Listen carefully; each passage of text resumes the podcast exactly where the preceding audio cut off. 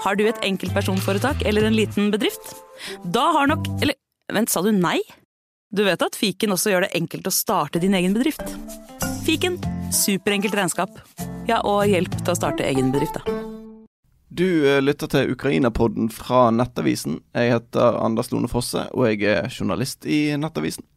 Jeg heter Jørn Sund Henriksen. Jeg er ukrainerskribent i Nettavisen og leder av Norsk ukrainsk venneforening.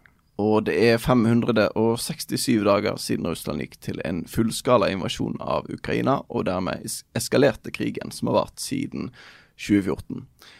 I dag så har vi fått storflott besøk stortingsrepresentant fra Høyre, leder av kontroll- og konstitusjonskomiteen og leder av organisasjonen Fritt Ukraina, Peter Frølich. Velkommen til oss. Tusen takk for det. Eh, apropos kontroll- og konstitusjonskomiteen, så spiller vi nå inn kvart på to. Eh, det er torsdag 14.9, og for de som følger litt med på nyheter, så kan det hende Peter plutselig får en telefon eller eh, tre her. Så det, da må vi bare ta høyde for det, Jørn. Men uh, enn så lenge så er telefonen stille, og vi begynner med det som er viktig for oss den neste uh, gode timen. Og det er hva er siste nytt fra frontlinjen i uh, Ukraina?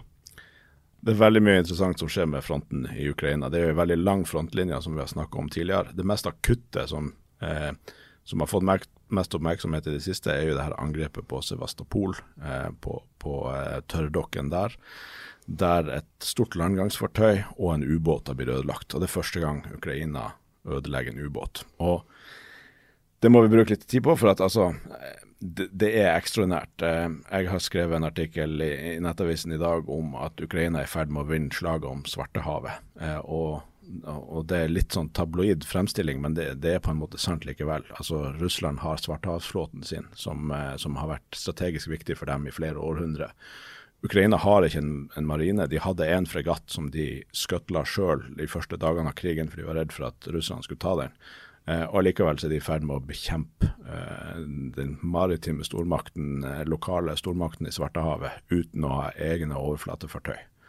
Um, og, og, det å ta en ubåt de, de, er jo bygd rett og slett for at de skal være usårbare. De eksisterer under vann, vanskelig å oppdage, enda vanskeligere å angripe. Og den har de jo tatt i, i tørrdakka. Og det her landgangsfartøyet er også viktig, for det er en del av strategien til Ukraina å skal strupe eh, Krymhalvøya og, og, og, ta alle de tre inngangsportene til de. Og, og når det skjer, så vil de være helt avhengige av sjøveien for å etterforsyne Krym. Eh, og det at det er ett mindre av de her store landgangsfartøyene til, til Russland, gjør at den jobben blir, blir også vanskeligere. Mm. Vi eh, skal snakke veldig mye om én ting i dag, eh, Peter, og det er alle dine turer ned til eh, eh Ukraina. Åtte ganger har du vært der nede nå. Eh, og vi kommer tilbake til det. Men bare for å ta de siste dagene her aller, aller først. Når du våkner opp og så ser du disse videoene eh, fra Krimhalvøya hvor det står det, det eksplosjoner, det er eh, russiske fartøyer som står i brann. Eh, hva tenker du og, og om, det, om, det, du ser? Nei, man er jo vitne til historie. Det er det jeg tenker på. At uh, Kanskje mange glemmer denne krigen i, i hverdagen sin, men, men, de som følger med, er nå vitne til et vippepunkt i historien. Og eh, jeg tenker litt også da parallell tilbake igjen i, i, historien og de krigene som har formet den verden vi, vi lever i. Eh, andre verdenskrig og de store hendelsene der. Eh, de leser man om i, i bøker og ser filmer om i etterkant. Jeg tenker at angrepet på Sevastopol, som Jørn nå har snakket om, vil definitivt gå inn i historiebøkene som et interessant vannskille, egentlig, i denne konflikten. Av to grunner. Det ene er at de klarer å ta ut to veldig verdifulle fartøy eh, på én natt, eh, og på en ganske spektakulær måte. Eh, det er vel det største enkelttapet Svartehavsflåten har hatt siden andre verdenskrig. Mm. Det andre er at dette sender ut signal til Russland om at Sevastopol er utrygt for dere. Dere kan ikke bruke Sevastopol lenger som en eh, base for å operere marinen. Uh, I alle fall vil enhver klok uh, kommandant og øverstkommanderende finne ut at disse styrkene må trekkes østover. Så vet vi at russerne er uforutsigbare, og noen ganger gjør de ting mot uh, all si, konvensjonell visdom. Men, Men eh, jeg tror at de er nødt til å nå trekke operasjonene sine østover til fastlandet eh, langs den russiske kysten. Og det gir jo lange forsyningslinjer, lengre eh, si, rekkevidde for å nå disse områdene hvor de skyter ut kryssermissiler og opererer fra. Så det er en utrolig dårlig dag for Russland. Det er en ekstremt dårlig dag for Russland. Og det, det som, som Petter sier, det, det er fascinerende. for at det, går ikke an å overvurdere hvor viktig denne flåtebasen har vært for Russland og det russiske imperiet opp gjennom tidene. Altså, det har vært kriger i flere hundre år om å holde kontrollen eh, på denne flåtebasen. og, og deres måte å dominere Svartehavet på. Eh, altså når Sovjetunionen eh, kollapsa i, i 1991-1992, så var jo forhandlingene med Ukraina om hva som skulle skje med Svartehavsflåta, og, og, og, det å kunne ha en base der var jo helt sentralt. Og det at de har fått lov til å ha en base der, var jo også litt av grunnen til at de klarte å ta Krim så, så effektivt og raskt i, i, i 2014. Eh, men, men, det å sikre denne basen uh, for å utøve makt i, i Svartehavet har vært så viktig for dem, og nå begynner det å rakne. Som Peter sier, altså den, er, den er ikke trygg lenger. De kan ikke ha opp, uh, oppbevare flåta si der. De er tvunget til å flytte den østover til Novorossisk som de ikke har satsa på, der de ikke har infrastruktur til å ta vare på en sånn stor flåtestyrke. Og I tillegg så er det også sårbart, for at Ukraina har angrepet den basen med de her eh, overflate, altså sjøbårne dronene sine, som også er brukt for første gang i verdenshistorien i denne krigen. Sånn at det er en dårlig dag oppå en dårlig dag oppå en dårlig måned i et dårlig år for Russland. Har, uh, har, vi funnet ut hva de brukte i angrepet? Altså De, de teaset jo litt med at det var en stormfull natt. ja, det, det, vi har vel ikke bekrefta bekrefta, men alt tyder på at det er Storm Shadow som har blitt brukt. Og det at britene godtar at de bruker Storm Shadow til å tynne ut Svartehavsflåta, er jo også interessant. Britene har en sånn uh, herlig, befriende holdning akkurat når det kommer til det der. De uh, lar seg ikke pille på nesen eller skremme.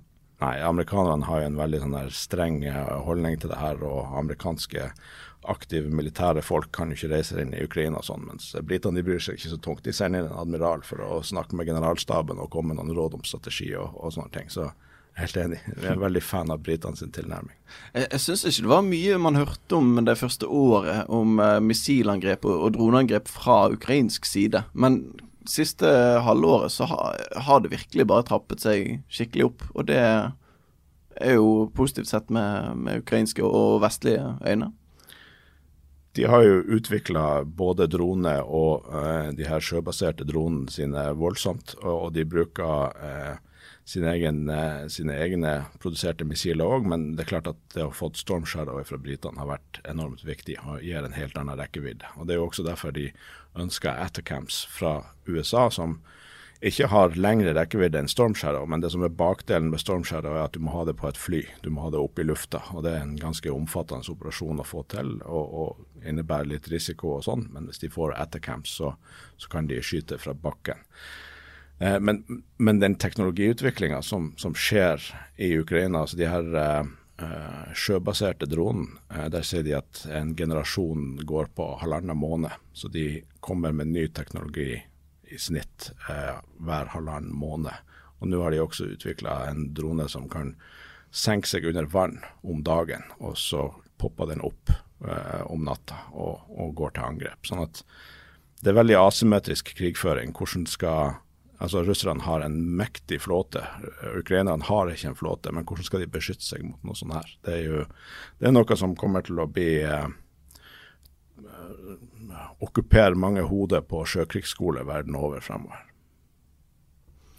Og så ser vi også, vi kunne jo lese i New York Times i, i går eh, en nyhet så, som flere nå begynner å, å, å klippe og, og, legge ut på sine sider, bl.a. Nettavisen har gjort det, at eh, Russland og Putin begynner nå å omgå disse sanksjonene som eh, ble iverksatt bl.a. For, for å forhindre missilproduksjon. Så de også eh, øker jo nå produksjonen av missiler, som jo er så tiltrengt for den russiske krigføringen. Um, du, snakket, du, var litt innpå det, Peter, med at uh, når Ukraina klarer å ta ut eh, f.eks. disse deler av Svartehavsflåten, så hjelper det på bakkekrigen. Men i det lange løp, hvem er det som tjener mest på dette missilkappløpet som, som foregår eh, akkurat nå? Jeg tror jo Ukraina er best posisjonert til å kunne få en storskala produksjon av både droner og missiler. Vi skal huske at Ukraina har jo en fascinerende fortid i eh, Sovjetunionen. Eh, det var Ukraina som var hovedsete for mye av den militære produksjonen, spesielt missiler. Så vi har mye eh, erfaring, teknologi, i Ukraina som jeg tipper russerne nå veldig gjerne skulle hatt en hånd om. Og det, det, har de ikke. Og Ukraina kan nå trappe opp produksjonen med god adgang til vestlige komponenter.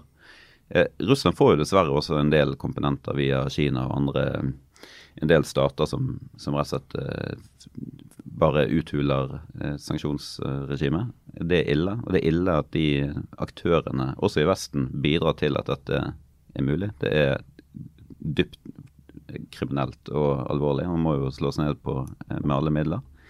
Men eh, Russland har også en lengre vei til å få montert hver hver enkelt eh, missil og hver enkelt drone. Og Det er en fordel, fordel Ukraina i det lange løp.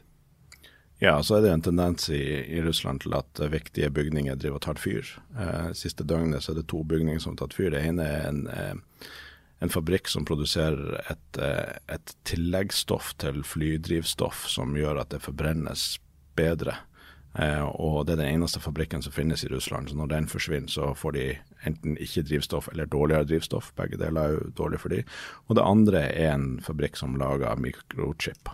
Og det at de her tingene tar fyr, eh, som neppe er en ulykke, som er en eller annen form for sabotasje, enten av russere som er mot krigen eller uh, ukrainsk etterretning, er noe som hemmer russerne. Men det er helt klart at omgå, det at de omgår sanksjoner gjennom import fra tredjeland er et stort problem. Eh, en fremtidig gjest her i podkasten, Erlend Bjørtvedt, eh, han har jobba veldig mye med det her og vist at det er en del sånn tredjeland som har øka importen av visse ting med sånn 3000% etter at sanksjonene ble innført. Så det er en sånn, sånn vei inn. Men som, som Peter sier, altså, det er jo uansett en ulempe. Det, det, tar lengre tid og koster mer, og, og vil jo bli oppdaga, og man finner måter å slå ned på det også på. Så over tid så tror jeg også at Ukraina vil vinne fram i, denne, i det her eh, rakettkappløpet.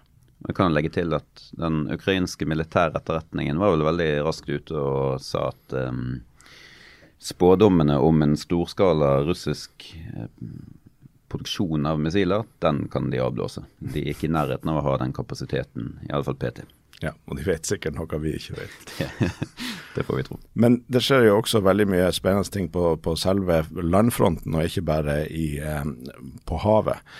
Og eh, det som er interessant nå, er jo at for første gang siden krigen, siden den eh, fullskala invasjonen, så har Ukraina fremgang på alle deler av frontavsnittene. Eh, det er flere og flere underliggende tegn til at russerne sliter. De flytter mye rundt på styrker, setter inn uerfarne styrker. De har jo bygd opp eh, og har ønska å sette i gang en egen offensiv i nord ved Kreminna. Det har de måttet gitt opp. De har flytta alle de styrkene ned mot Zaporizjzja, der de er pressa og står en plass mellom den andre og den tredje forsvarslinja. Og for å erstatte de styrkene, så de henta inn en styrke som var under opplæring i Belarus, som egentlig ikke skulle være klar for i november, men er nå flytta til Kremina-fronten. Så de, de tar snarveier, de er tom for reserver, og det knirker litt langs hele frontavsnittene. Um, vi snakka forrige gang om en fremgang nord for Donetsk flyplass med Pytne. Og der har vi fått vite nå at det som skjedde der, var at eh, de russiske styrkene var veldig hardt pressa, ønska å trekke seg tilbake. Og da de til slutt fikk eh, tillatelse til å trekke seg tilbake, så skjedde det så fort og så uorganisert at um, Russiske dronepiloter trodde det var et ukrainsk angrep når flere hundre russiske soldater sprang bakover. Eh, og da de trodde at det var et ukrainsk angrep, så satte de inn eget artilleri mot de her styrkene. Så de rett og slett russisk artilleri skjøt på russiske styrker som trekker seg tilbake. Og det er en sånn type kaos som oppstår når veldig mange er veldig sliten, er veldig pressa, og du har uerfarne styrker ved fronten. Sånn at både ved Robytne, med Forbove, med Voledar, eh, men også nå med Donetsk eh, og, og Kremina, så, så, er det fremgang for ukrainerne.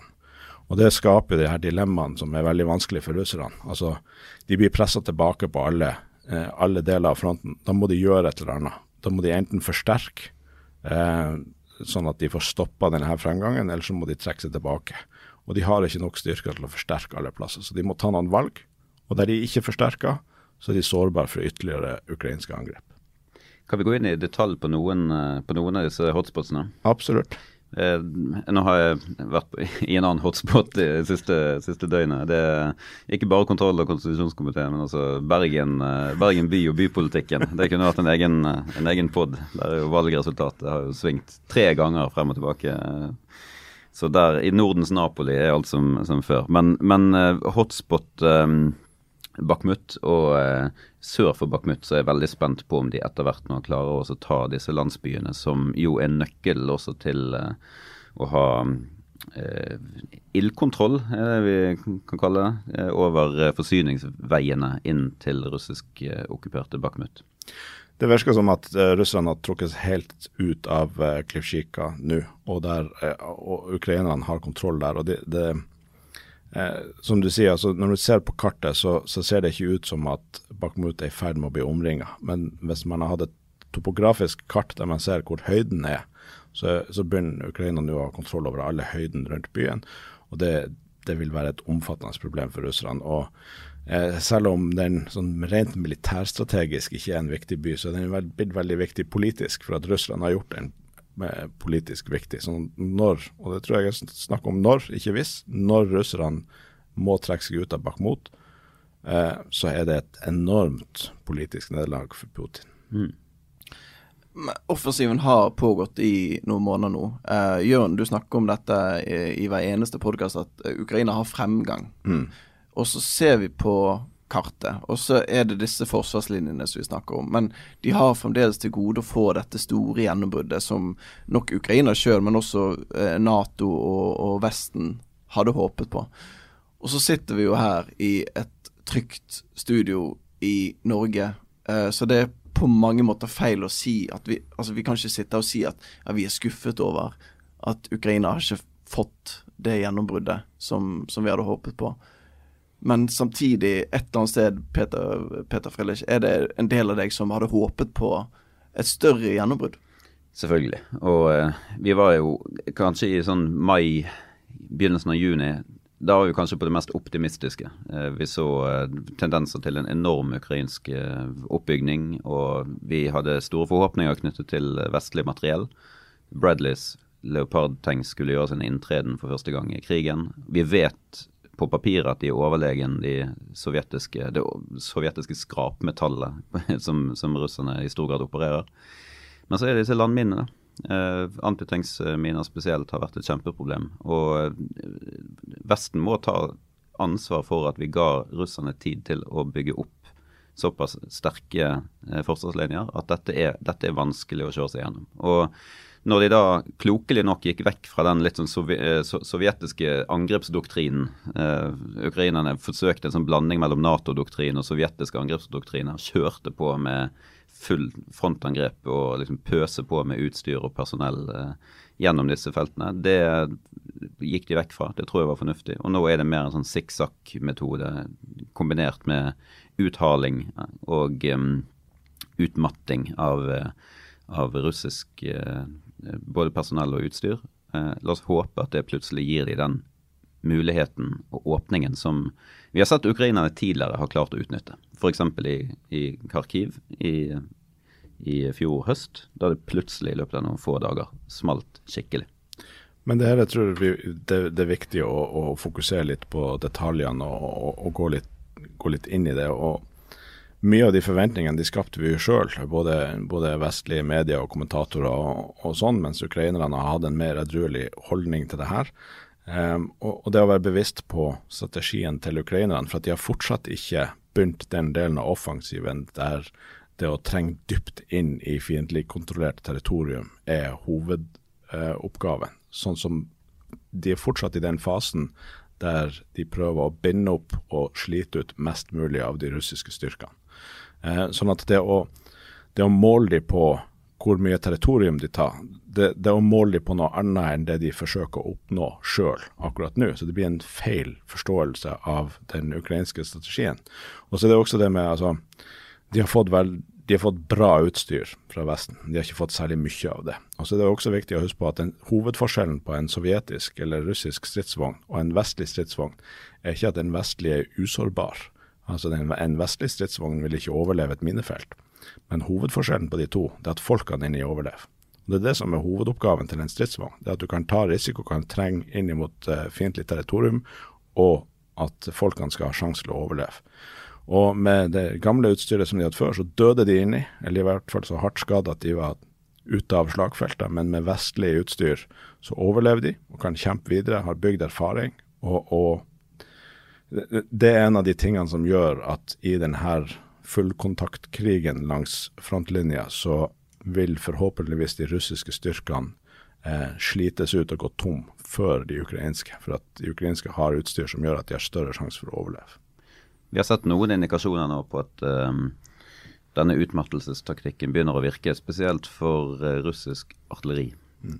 Uh, jeg så meldinger uh, som selvfølgelig er vanskelig å verifisere, men meldinger fra russisk side som klager kraftig over mangel på russisk artilleri. Og det øyeblikket de mister det si, verktøyet i verktøykassen sin, så sliter de da, det, da vil jeg ikke gitt mye for å være russisk soldat i, ute i skyttergraven. Altså. Hvis eh, ukrainerne får et relativt ensidig artilleriovertak, da er det god natt. Altså. Da, er det, da er det ille ute. Det er et veldig viktig poeng, for hele den russiske doktrinen er jo bygd opp rundt å ha artillerifordel. Og, og det er det som er interessant med Ukraina. De sliter ut eh, den russiske artillerikapasiteten på så mange måter. Når du ser de daglige oversiktene hva de har angrepet, så det er alltid veldig mye artillerisystemer som er ødelagt. Altså de, de, de går til angrep og ødelegger artillerisystemet. I tillegg så er de veldig flinke til å ta ut og ødelegge eh, ammunisjonsdepot og forsyningslinjer.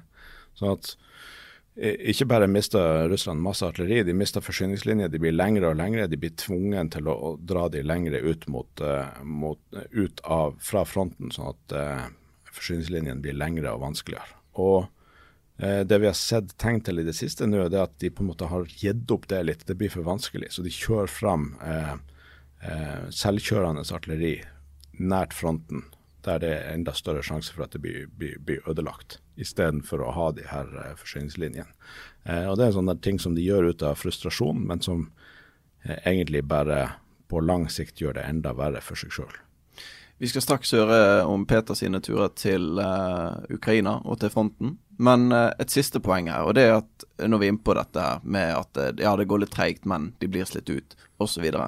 I, fjor høst så ble en vellykket ukrainsk motoffensiv avsluttet med at Kherson ble frigjort i starten av november for snart et år siden. Det neste halvåret så var det Russlands styrker som avanserte, men bare noen få kilometer, riktignok. Først og fremst i, i Bakhmut.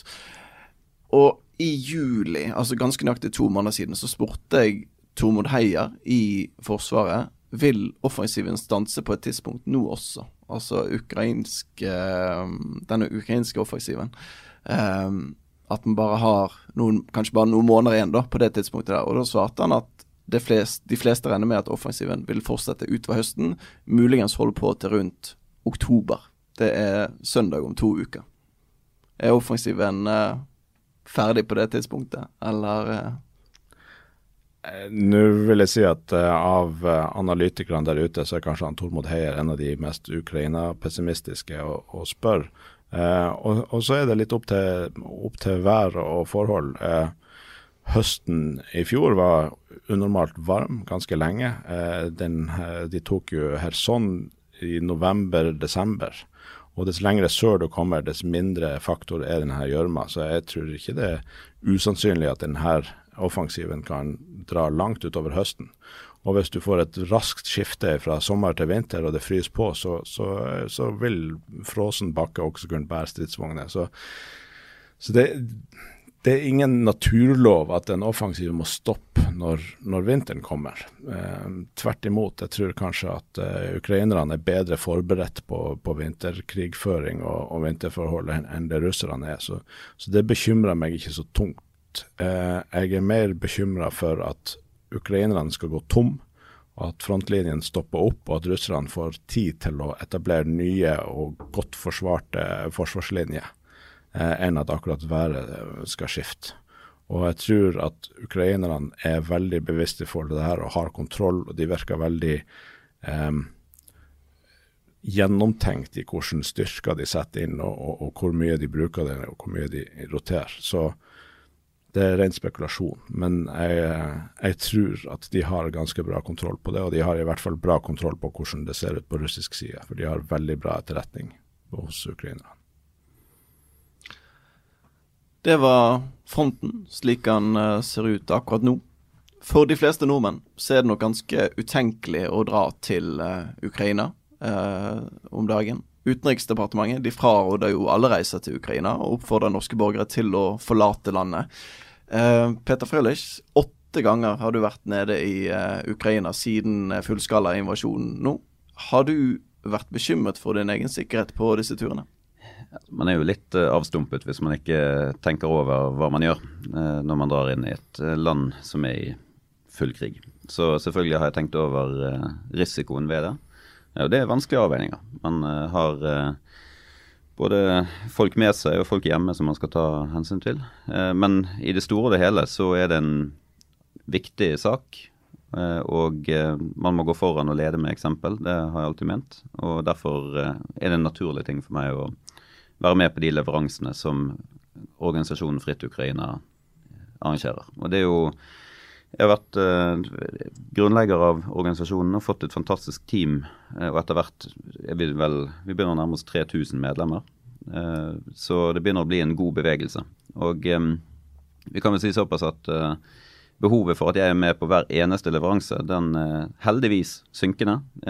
mer og mer av leveransene kan gå litt av seg selv med nye frivillige, og vi har fått gode systemer på plass.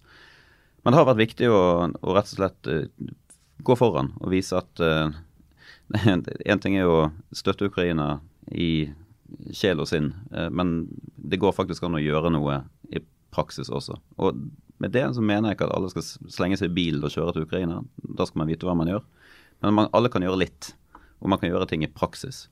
Dette er vel det uh, han eh, Timothy Snyder, den veldig populære og fine filosofen i USA, eh, han skrev en av lærdommene fra det forrige århundret var at alle kan gjøre litt. Mm. Alle må gjøre noe. Og Det høres banalt ut, men så enkelt er det å gjøre en forskjell i, i uh, livene til de som kjemper på fronten. Og nøyaktig, Hva er det dere gjør? Du snakker om disse leveransene. Mm. Hva består de av?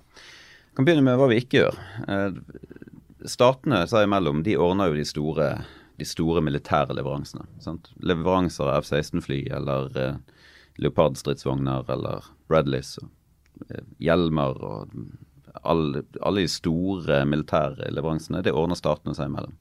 Og så er det en haug med ting under der igjen som kan du si de store statlige systemene ikke klarer å dekke av behov på den ukrainske siden.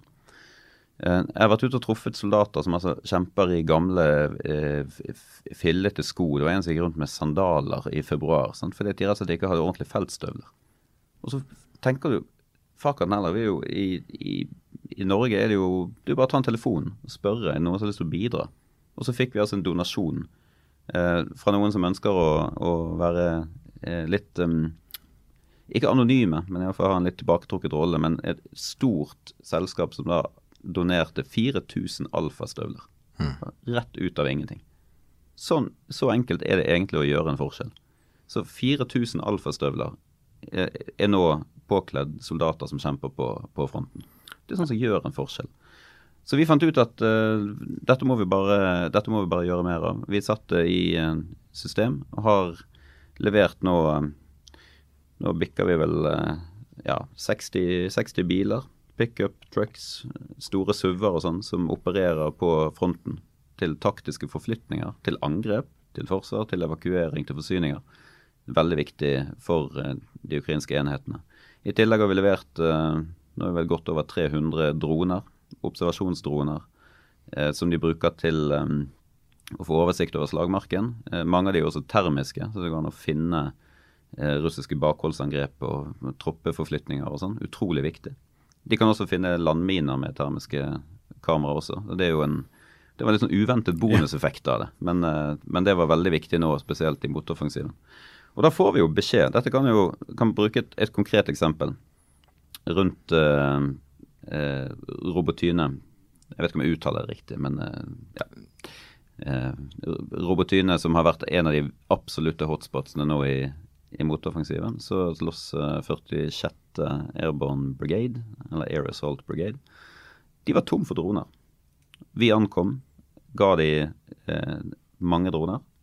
Og de rapporterte etterpå, både på Telegram og til oss, at nå var de, nå var de lastet godt opp igjen med, med, droner og kunne gi russerne juling med, med dette og fortsette sin fremrykning. Det er ikke lenger unna at folk her i Norge bestemmer seg for å donere til Fritt Ukraina. Vi får levert de dronene, og det gjør en forskjell i soldatenes liv. Eh, og de får frigjort ukrainsk territorium med, med hjelp av helt vanlige norske givere. Jeg syns det er litt kult, og det er et arbeid som, eh, som gir eh, både energi og, og, mening. Det er ekstremt kult, og det gjør, står ekstrem respekt av, av, av, det arbeidet dere gjør. Og så tror jeg jeg har sett mange i sosiale medier som er litt sånn, stiller spørsmål men ikke, altså, får de ikke sånn av, av, den ukrainske staten. Hvorfor mangler de droner? Hvorfor mangler de sånne type utstyr? Og Det, en, det tror jeg er en sånn manglende forståelse av hvor ekstremt og hvor voldsomt og hvor omfattende en sånn her eh, krigføring er mellom to industrialiserte nasjoner. og Det har vært flere intervjuer fra, fra kommandanter i både, både amerikanske eh, militære og andre. Det er det, det, det krig handler om, det at du mangler ting. Du mangler ting alltid. Det blir aldri nok av noe. Og det å kunne gjøre en best mulig jobb til tross for at de, de manglene er der. Og når du skal flytte på ting, så har du alltid for få biler. Du har alltid for få eh, turnikeer og sånn. Og det at eh, og, det at eh, frivillige kjører fra Norge med det utstyret som gjør situasjonen litt mindre prekær, eh, det vil redde liv, og det vil ha en, eh, vil ha en umiddelbar effekt på, på, på slagmarka. Så som Peter sier, alle kan gjøre noe. og Veldig mye av den russiske måte, informasjonskampanjen er jo å sørge for apati og en tanke om at ingen kan gjøre noe, så det er bare å gi opp. Eh, men alle kan gjøre litt, og, og det er en, en, veldig sånn enkel ting alle kan gjøre, det er å gå på nettsida til Fritt Ukraina og melde seg inn. Frittukraina.no, så har vi fullført reklame, reklameseansen. Ja, men det er bra. Dette høres jo veldig nærmest idyllisk ut, og veldig sånn flott og, og fint, og alt er god stemning. Men det er jo ikke ufarlig, dette her. Altså, hvor nærme selve frontlinjen har du vært på disse turene? Det har variert alt fra relativt trygge leveranser i, i store byer eh, til leveranser helt ute på den absolutte fronten, der hvor soldatene kjemper. Så det, det, kommer litt an på hvilke behov ukrainerne har, og hvilke behov vi har for å møte de enhetene og de styrkene som vi understøtter. Eh, og eh, på den siste leveransen vi hadde nå, så var vi eh, rundt Orhikiv, for de som kjenner kartet godt. Og det er jo mer eller mindre på Altså direkte på, på fronten der hvor det slår ned artilleriet både foran deg og bak deg. Så det er, en, det er en, selvfølgelig en utfordrende opplevelse, men også ekstremt verdifull for oss å se, møte folkene, se hva de trenger se hvilke forhold de opererer under. Bare for å ta ett konkret eksempel. altså Veien inn dit er jo bare over en gjørmete traktorvei over noen kornåkre. Sant? Fullt av artillerinedslag og bilvrak. og du, kjører, du må kjøre 100 km i timen over disse åkrene for å ikke bli et lett mål. Da skjønner vi bare plutselig at de bilene vi sender, de må ha veldig godt karosseri. altså. Det skal ikke være noe noe eh, svakhet i, i, rammen på de bilene der. Eh, du må ha gode dempere og gode dekk. Og det er bare en sånn Vi har hørt prat om det. Der ser vi det med egne øyne hvor viktig det faktisk er. Og så er det, er det selvfølgelig også viktig for oss å fortelle historien. Vi hadde jo Dagens Næringsliv med oss på, på den leveransen. De fikk vise hvordan vi opererte, men de fikk også fortelle historien til de som kjemper og ofrer livet for vår frihet og for vår trygghet. Og, og, det i seg selv er en viktig del av Fritt Ukrainas arbeid. Å holde interessen og også kampviljen i Norge oppe. Ja, for det, det er jo Altså, dere er inne der og, og får, får, kjent på den risikoen og, og, og sånn, men, men, jeg tenker det, det er vanskelig å sette seg inn i, og, jeg har tenkt mye på det, særlig når jeg legger mine egne barn. Men altså, det er ingen i Ukraina som er trygg. Eh, sånn, uansett hvor du er i Ukraina, så kan du få besøk av et eh, kryssermissil. Eh, og, og det er jo ikke, ikke feilbombing av russerne. altså Russerne har jo helt tydelig et ønske om å angripe sivile også, for å, for å spre terror og, og fremprovosere apati, at folk eh, gir opp. sånn at det er egentlig ingen i Ukraina som kan legge ungene sine om natta og, og, være helt sikker på at de sover trygt gjennom natta. Den, den typen frykt som er sånn der grunnlaget for all form for terror. Det å, det å leve i den frykta hele tida må være helt forferdelig. Altså, i, i, Norge lever vi i en ekstrem normalitet, og det, kanskje det mest spennende er å diskutere om, om postmannen har vært her enda, mens i, i, Ukraina så ser de opp på himmelen og, og speider etter droner og, og kinsalmissiler. Ja, du som har vært der, Peter. altså Tenker du på altså Er det hvert eneste sekund at du går og tenker på at nå kan det komme et artilleriangrep, eller klarer du å fokusere på det du kanskje bør fokusere på? Akkurat den uh, frykten for at det smeller, den skrur man av veldig fort når man er der inne. Så konsentrerer man seg om oppgaven og teamet man skal lede, og, og at vi får gjort det vi er der for. Og så er det jo også beroligende å se på ukrainerne de tar dette med en stoisk ro. Det er et helt imponerende folkeferd, for å bruke det uttrykket. De har altså en innstilling til dette som, som er helt, helt, utrolig inspirerende. Når de kan leve i dette, og de er vel fortsatt en De var 40 millioner, de er vel fortsatt i alle fall en, en, en 30 millioner igjen i, i, landet. Hvis de kan leve med dette hver dag, så må vi eh, for pokker kunne klare det i, i de dagene eh, når vi er der for å hjelpe. Så men man skal ha et, skal ha et team som vet, uh, som vet hva de driver med, og som gjerne har vært ute en vinternatt før. På forrige leveranse så var vi utelukkende uh, tidligere soldater, og mange av de tidligere spesialsoldater. Og det er en fordel. For da, da, vet, uh, da vet de hvordan de skal forholde seg også i en sånn veldig vanskelig krigssone. Men er det noen opplevelser du har hatt som du ser tilbake på nå og tenker det var det var nærme, på en måte. Altså Én ting er jo å kjøre 100 km i timen over et jorde i frykt for å bli angrepet, men er det andre hendelser og opplevelser som du sitter igjen med? Altså man, vi har jo, vi har jo opplevd artillerinedslag eh, i området hvor vi har vært. Vi har stått og sett på at eh, både jorden og røyken står opp i skogs- eller trelinjene bortenfor og, og sånn, og vet at det kan slå ned både foran og bak og til venstre og høyre veldig behagelig, det er det ikke. Men eh, det er ikke sånn at det, eh, at det liksom gjør noen veldig varige eh, inntrykk eller påvirker motivasjonen i alle fall til å komme tilbake og fortsette arbeidet. Vi hadde i arkiv etter å ha vært der, så tok vi bilde foran en, en fin universitetsbygning, og dagen etterpå så fikk vi bilde om at den var smadret av to S-300-missiler. Så det er litt sånn Man skjønner hvilken altså livets bingo eh, det gjelder for alle de som oppholder seg i Ukraina, og i særdeleshet de som bor der hver eneste bidige dag og må leve med dette. Eh, du dukket opp i en Nettavisen-sak i juni i forbindelse med at uh, hvert år så destrueres det sikkerhetsutstyr fra norsk politi, uh, som skuddsikre vester, hjelmer osv. i norske forbrenningsovner.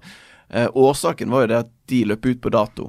Men det var utstyr som etter alle solmerker var fullt brukbart og kunne bli brukt av Ukraina i, i, krigen. Hvordan tenker du tilbake på den situasjonen og, og den saken oppi dette? Jeg må ta på meg politikerhatten litt også. For um, jeg har ledet kontroll- og konstitusjonskomiteen um, i, i, Stortinget. Og en av de tingene vi så på ganske tidlig etter krigsutbruddet, det var jo hvordan den norske oppfølgingen var fra myndighetenes side. Gjorde regjeringen nok for å hjelpe Ukraina og imøtekomme de eh, bistandsanmodningene som Ukraina sendte til oss. Der eh, fant vi jo ja, For å begynne med positive, det var en del ting som fungerte. Eh, og så var det mye som ikke fungerte. En, en, eh, en, del anmodninger som bare ble liggende, ubesvart. Det ble ikke fulgt opp. Det er selvfølgelig veldig kritisk. Eh, veldig dumt for eh, Ukraina når de kjemper en eksistensiell kamp. Så ble det bedre etter hvert. Så jeg mener at kontrollkomiteens arbeid og påpekninger gjorde at eh, myndighetene etter hvert fikk eh, litt mer system og orden på, på ting. Men vi fant jo mye rart og mange eksempler på ting som, eh, ja, som du nesten ikke tror er mulig. En av de sakene du nevner, er jo at politiet destruerte skuddsikre vester, ballistiske hjelmer, helt brukbart utstyr som ukrainerne hadde etterspurt. Eh, rett og slett fordi det var utgått på en, en teoretisk dato. Og da mener jeg det, det er veldig norsk. det er veldig byråkratisk. Veldig A4. Eh, jeg kommer ikke på noe annet uttrykk enn at det, her er det ingen hjemme. Det er altså helt, helt fullstendig natt. Så eh, det fikk vi påpekt med veldig god hjelp og drahjelp fra Nettavisen, altså, i, med god journalistikk, som uh, var med å løfte de funnene vi hadde i kontrollkomiteen der. Og uh, til slutt kom justisministeren på banen, lovet bot og bedring, sørget for en endring i praksis, og all ære til henne for det. Det, var, det skulle kanskje bare mangle, men tross alt, når de tar tak og fikser, så er det veldig bra. Ja, Det skal bare hilse å si fra politisk redaksjon her i Nettavisen at det er ingenting som er bedre og, og deiligere enn å kunne skrive overskriften 'Regjeringen snur etter Nettavisen-sak eh, eller avsløring eller, eller så lignende'. Et godt eksempel på at pressen er en viktig del av et demokrati, og at folk blir stilt til ansvar for når ting ikke skjer. Og, og at det er viktig at man både har en kontrollkomité og en, en presse som, som, er på. Men, men det er jo som, som Peter sier, det er et det er et, eh, en indikasjon på den her dype freden som vi lever i i Norge, og, og kanskje sliter med å ta inn over seg at, uh, at terrenget har endra seg og virkeligheten er annerledes nå enn den var for halvannet år siden. Uh, og det, det, viser seg jo på, på, flere måter. Det er veldig bra at dette blir tatt tak i, og at eh, kanskje regjeringa reagerer raskere per anmodning nå. Men, men, vi har jo også sånne ting som, som jeg ser frem til. hvordan det kommende statsbudsjettet ser ut i forhold til oppfølginga av forsvarskommisjonen og, og, sånne type ting. Så, så, vi lever i en dyp fred i Norge og, og er kanskje litt for sent til å våkne opp til den nye virkeligheten. Kan jeg bare få nevne det som altså Dette er jo et ganske grelt eksempel, det vi var innom nå. Jeg tror likevel at det som på en måte tok kaken, det var um, eh, da de brukte fire måneder på å finne ut om eh, hvem som skulle betale egenandel for skadde ukrainske soldater. 200 kroner. Var det kommunalt ansvar eller statlig ansvar? Og eh, det havnet midt i sommerferien, og dermed så ble ingenting gjort. Og det ble stoppet opp der med mottak av eh, pasienter i lange perioder. Så ja, vi har et godt land, men det er også mye, mye å ta tak i. Spesielt i en sånn dyp fred når det ellers brenner i Europa.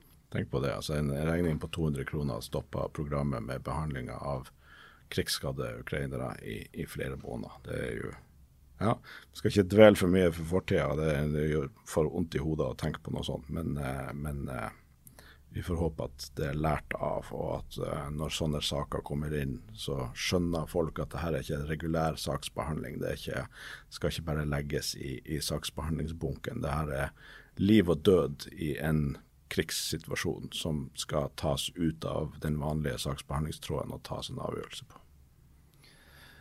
Vi har jo snakket litt i den podkasten tidligere om at uh, det er en liten sånn frykt for at uh, både Norge og vest, resten av Vesten kan gå lei av krigen. At vi slutter å, å sende støtte. og Vi nevnte det i forrige episode. Sant?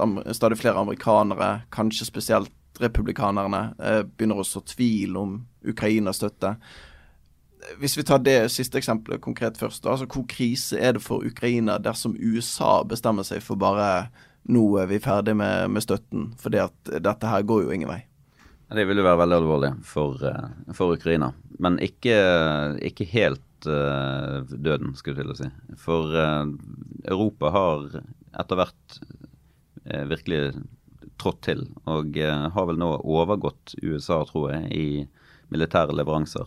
Så Ukraina vil kunne holde det gående lenge med også kun europeisk bistand. Men det selvfølgelig, altså faller, faller en av to hovedpilarer for den ukrainske støtten bort, så er det kjempealvorlig.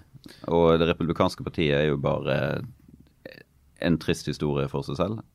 Reagans uh, parti er det jo mange uh, som påpeker. sant? Den, den, gamle, den gamle kan si, republikanske stoltheten som sto i front for å nedkjempe the, the evil empire i Sovjetunionen, og som sto for frihetsidealer og sånn. Plutselig er de blitt et Putin-vennlig eh, drittparti.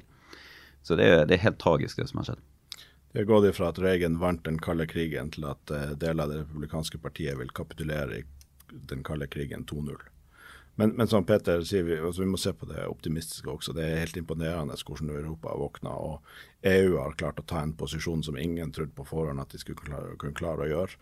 Eh, Øst-Europa har jo alltid vært på banen. Altså, se på, på Polen, hvordan de rusta opp. altså krigen i Ukraina snudde på mange måter når de fikk tolv HIMARS-system, mens eh, Polen har bestilt er det 200 eller 400, Nei, 450, 450 systemer. sånn de kjøper Pars-helikopter. Det er ikke nok å kjøpe Leopard-stridsvogner for at de vil ha to leverandører, så de kjøper også eh, sørkoreanske stridsvogner. Altså, de, Polen er i ferd med å bli den største Eh, landstridsmakta i Europa. Svenskene. Svenskene gir eh, de nyeste jagerflyene de har. Eh, Finland gir alt mulig. Norge, Norge er ikke så verst. Norge gjør sine bidrag også. Jeg håper fortsatt at regjeringa skal gi mer F-16 og også finansiere oppgradering av det ukrainske flyvåpenet. Men, men altså, måten Europa våkner opp på, er imponerende. Og det er selvfølgelig veldig negativt hvis det bremser opp fra USA. Eh, det tror jeg ikke skjer, men, eh, men, det virker som i Europa er det ingen tegn på at de er i ferd med å gå lei. Tvert imot, de pumper på gassen når det gjelder å støtte Ukraina. Kanskje ikke så rart at Pol eh, gir støtte når uh, Kadyrov med jevne mellomrom uh, går ut og sier at de er neste på listen. At de, de skal bare fortsette det, krigen. Det ville jo ha vært den mest intense timinutterskrigen i historien. ja. Jeg tror Hvis Kadyrov hadde satt beina sine én centimeter inn på polsk eh, territorium, så skulle han fått eh, Ja, det er stygt å si det, men jeg sier 'fuck around and find out'. Yes. Men uh, fra Altså, vi kan Vi kan foreløpig i hvert fall sitte her og, og, le litt av Kadyrov, men uh, denne uken her så har det vært et toppmøte mellom Putin og, og Kim Jong-un, uh, hvor Putin har tilbudt russisk satellitteknologi til Nord-Korea, og Kim Jong-un lover full støtte i sitat alle sammenhenger til Russland. Hvordan ser du på dette møtet, Peter, og, og Tror du det vil påvirke Ukraina-krigen? Det er først og fremst et kjempesymbol på hva Russland anno 2023 er blitt. Her er Russland sammen med kanskje sin eneste gjenværende venn ved siden av Iran. Eh, de er blitt en eh, en, eh, en, en loner i, på, på, det, på den globale arenaen. Det er helt patetisk å se. Og så er spørsmålet hva, hva kommer fra Nord-Korea? Antakelig noe ammunisjon, 60-tallsprodusert, ustabilt ræl. Jeg ville ikke meldt meg frivillig til å være lokfører på det ammunisjonstoget som skal gå x antall eh, tusen kilometer eh, gjennom Sibir med nordkoreansk ammunisjon. Det er også veldig sårbart for sabotasje og angrep, så det blir jo interessant å se hvordan de forsyningslinjene skal bli. Men selvfølgelig alltid negativt når Russland får påfyll i sine ammunisjonslagre. Eh, men Vis meg hvem dine venner er, og skal fortelle hvem du er. Ja, og en ting er å frakte, men jeg ville også vært veldig skeptisk til å putte sånn eh, nordkoreansk eh, lagra fra 60-tallet eh, artillerigranater inn, inn, i løpet på en kanon. Vil den, vil den skytes ut, eller vil den sprenges i, i løpet? Det, ja. Eh, det er først og fremst eh, Jeg tror det største takeawayen vi kan ta fra det her, det er at de russiske lagrene er tomme. Når de går til Nord-Korea for å hente frem deres gamle greier, så, så står det dårlig til på, på russisk side. Um, men det er jo andre, andre russere som har møter også. Nå I London i slutten av september så skal det være et møte mellom alle de ulike nasjonalitetene i den russiske føderasjonen som ønsker uavhengighet. Jeg skal ha en, konferanse i London for å diskutere det. og Det er den åttende konferansen siden krigen starta der de her eh, nasjonalitetene eh, møtes. Og, De er veldig på at man skal, ikke være, man skal ikke være redd for en potensiell russisk kollaps, for dette. det er mange bra folk som, eh, som ønsker demokrati og ordna forhold i, i en oppsplitta russisk, eh, russisk eh, eh, ja, postrussisk tilværelse. Så, så det er ikke bare han Putin som har møter. Tenker vi kan ta et lytterspørsmål, jeg. Um, Erik han skriver uh, Hei, Jørn og dere andre som produserer podkasten. Takk for meget interessant og informativ podkast. Imponert over den innsikt dere formidler. Det er jo hyggelig. Mm. Uh, som dere flere ganger har beskrevet, er ukrainerne helt utrolig flinke til å gjøre gode strategiske og taktiske vurderinger, slik at de bruker sine relativt sett svakere styrker på en optimal måte. Eh, det virker å være en himmelvid forskjell mellom de to partenes evner her, skriver Erik. Og så legger han til og selv om jeg er dypt imponert over ukrainerne, og de åpenbart er fleksible, kreative og flinke til å lære sine egne og andres feil, og ikke minst har de en formidabel kampånd, så får det meg til å lure på om dette evner ukrainerne utelukkende har tilegnet seg på egen hånd. Så det jeg lurer på, skriver Erik, er i hvilken grad de får etterretnings-, planleggings- og beslutningsstøtte fra vestlige land. Vil du eh, svare på det, Jon? Ja, jeg kjenner bare én Erik Eriksen, så hvis det er han, så hei til deg. Eh, hvis ikke, så hyggelig spørsmål uansett. Um, her er det mange, veldig mange faktorer inne i bildet som Peter sa, det er jo interessant å se på Ukraina sin historie. De ble kalt jern i, i Sovjetunionen. De har en veldig sterk eh, historie med, med, med teknologi eh, og innovasjon, sånn at det er noe som ligger i deres kultur også. Og så har du det med at eh, altså organisasjonskultur er jo viktig, og det er helt klart at det er en veldig stor forskjell på på Ukraina sin, sine militærstyrker som har vendt seg mot Vesten og tiltatt seg en mer sånn vestlig kultur, og den russiske som fortsatt står igjen i det sovjetiske, er jo at de har en sånn lærende kultur. Altså de, de er opptatt av å, å, lære nye ting. De er opptatt av å forvalte den erfaringa de får fra slagfeltet til å finne nye metoder og nye måter å gjøre det på. Mens på russisk side så er det sånn at hvis du tar et form for initiativ eller gjør noe annerledes eller gjør noe annet enn det ordren går ut på, så har det stort sett bare en nedside, og sjansen for at du uh, blir straffa for det er stor. Eh, så det er litt sånn som i næringslivet, at det er veldig stor forskjell. Du kan ha to bedrifter som gjør akkurat det samme, men hvis den ene har en læringskultur og den andre har en fryktkultur, så, så vil det over tid bli veldig stor forskjell på de. Um, og så har du jo den faktoren at ukrainerne kjemper for sin egen overlevelse. Altså naken kvinne lærer å spinne osv. Det er en grunn til at uh, krig er uh, innovasjon på steroider. Altså du, du, du rett og slett jobber for din egen overlevelse, og alle nye ideer kan bidra til, til å sørge for at ikke bare at du overlever, men at familien din og ungene dine overlever. Så det er en helt annen, helt annen motivasjon enn de har fra russisk side, der de kan, knapt nok vet hvorfor de er der i det hele tatt. Og Det ser vi jo også med opplæringa på vestlig materiell. Altså Når man har en, en læringsplan fra vestlig side som sier at det her skal ta fire måneder, så bruker jo ukrainerne kortere tid, for de, de, de, går ikke fra jobb klokka fire. De, de, kan godt holde på hele kvelden og lørdag og søndag også, for at det handler om å beskytte familien sin.